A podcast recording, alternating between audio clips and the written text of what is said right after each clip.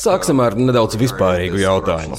Daudz ir teikuši, ka viņi ir šokēti un pārsteigti par korupcijas skandālu Eiropas parlamentā, ko mēdz devēt arī par Kataras lietu. Bet vai jūs, kā pretkorupcijas un caurskatāmības organizācijas pārstāvis, arī bijāt par to pārsteigts?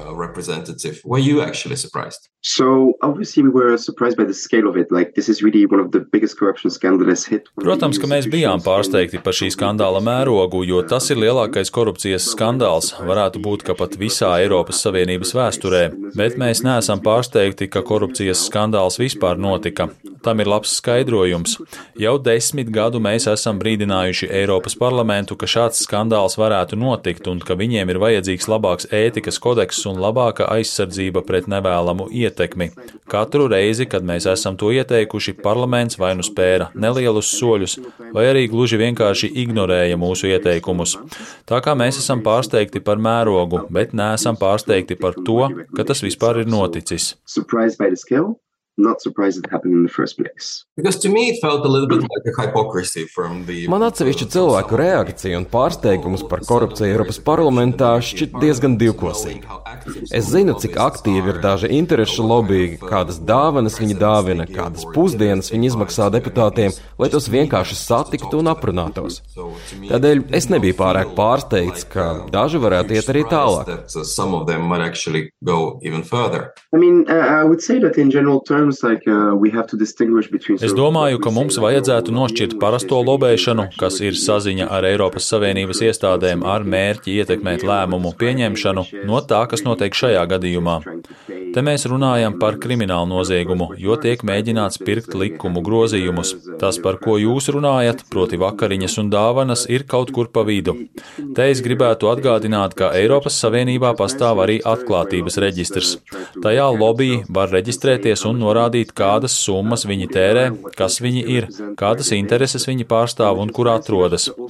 Atklātības reģistram ir arī uzvedības kodeks, kas nosaka, kā rīkoties dažādās situācijās, un to starp atrunā arī ļoti greznu vakariņu izmaksāšanu Eiropas Savienības amatpersonām.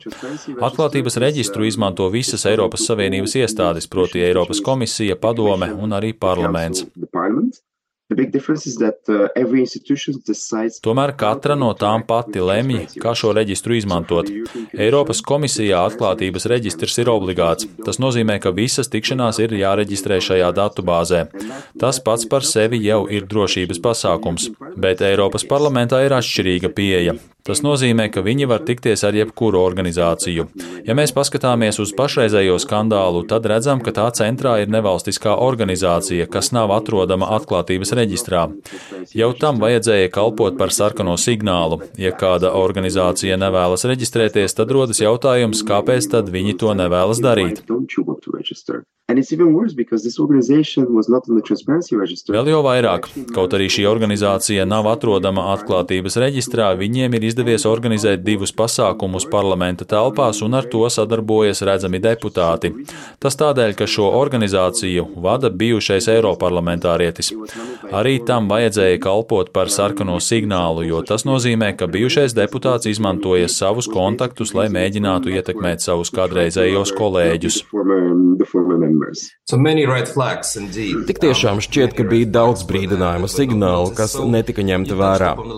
Jūs jau nedaudz pieskārāties tam, ko vajadzētu labot, lai nepieļautu šādu situāciju atkārtošanos. Vai varat iezīmēt nedaudz plašāk, ko Transparency International iesaka mainīt?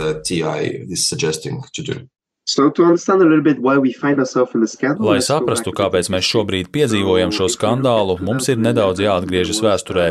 Jau 2011. gadā notika skandāls, ko dēvē nauda par grozījumiem.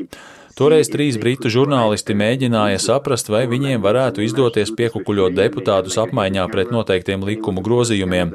Viņiem tas sanāca ar trim deputātiem, un tas tika nofilmēts ar slēpto kameru. Tas bija pirmais šāda veida skandāls. Tā rezultātā tika ievies deputātu ētikas kodeks, kas atrunā arī tādas situācijas, ko tagad ir atklājusi Beļģijas policija. Visus šos desmit gadus mēs esam strādājuši ar Eiropas parlamentu, lai mēģinātu uzlabot noteikumus. Lielākā problēma ir tajā, ka vienīgais cilvēks, kurš atbild par ētikas kodeksa piemērošanu, ir Eiropas parlamenta priekšsēdētājs. Tikai viņš vai viņa var sākt izmeklēšanu un uzlikt sodu. Ja priekšsādātājs uzskata, ka ētikas kodeks ir pārkāpts vai ja par to ir aizdomas, tad tiek uzsākta izmeklēšana. Tās ietvaros padomdevēju komiteja, kas sastāv no deputātiem, veids gadījuma izmeklēšanu. Šī komiteja sniedz tikai padomus un izvērtē gadījumu. Līdz ar to sanāk, ka pieci deputāti dod padomu vienam deputātam par cita deputāta uzvedību. Tā ir lielākā problēma, jo nevienā brīdī nenotiek neatkarīga izvērtēšana. Nav neviena administrācijas darbinieka, kuram būtu tiesības proaktīvi veikt izmeklēšanu un pieņemt lēmumu. Šāda kārtība noved pie tā, ka iepriekšējā parlamenta sasaukumā no 24 pārkāpumiem tikai vienā gadījumā tika uzlikts sots. Turklāt tas bija diezgan simbolisks. Būtībā šim deputātam uz laiku tika ieturēta dienas naudas izmaksa, ko viņi saņem, lai pirktu sviestmaizes vai ceļotu.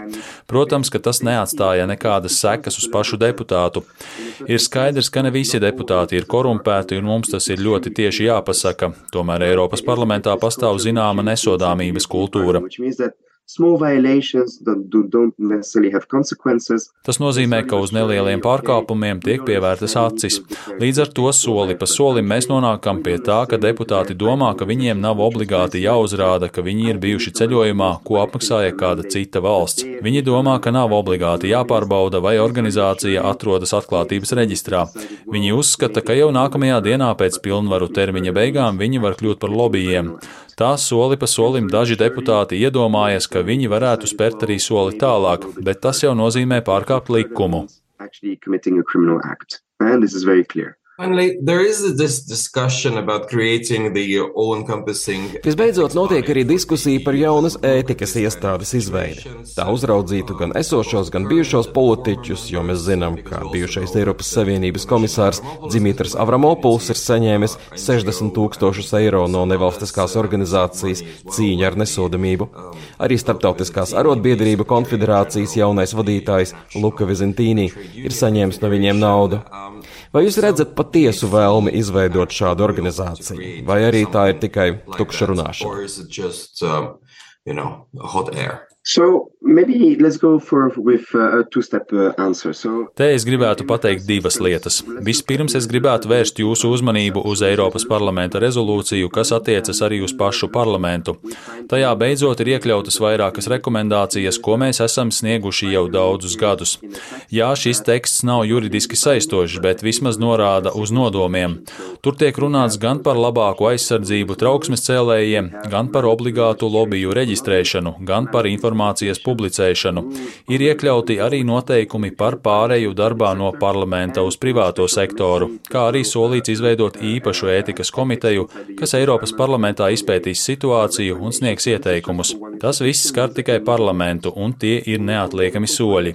Bet ilgtermiņā, kā jūs pareizi norādāt, mums ir nepieciešama ētikas iestāde. Tā būtu aģentūra, kurai ir tiesības veikt neatkarīgu izmeklēšanu un sodīt. Neatkarība te ir ārkārtīgi būtiska.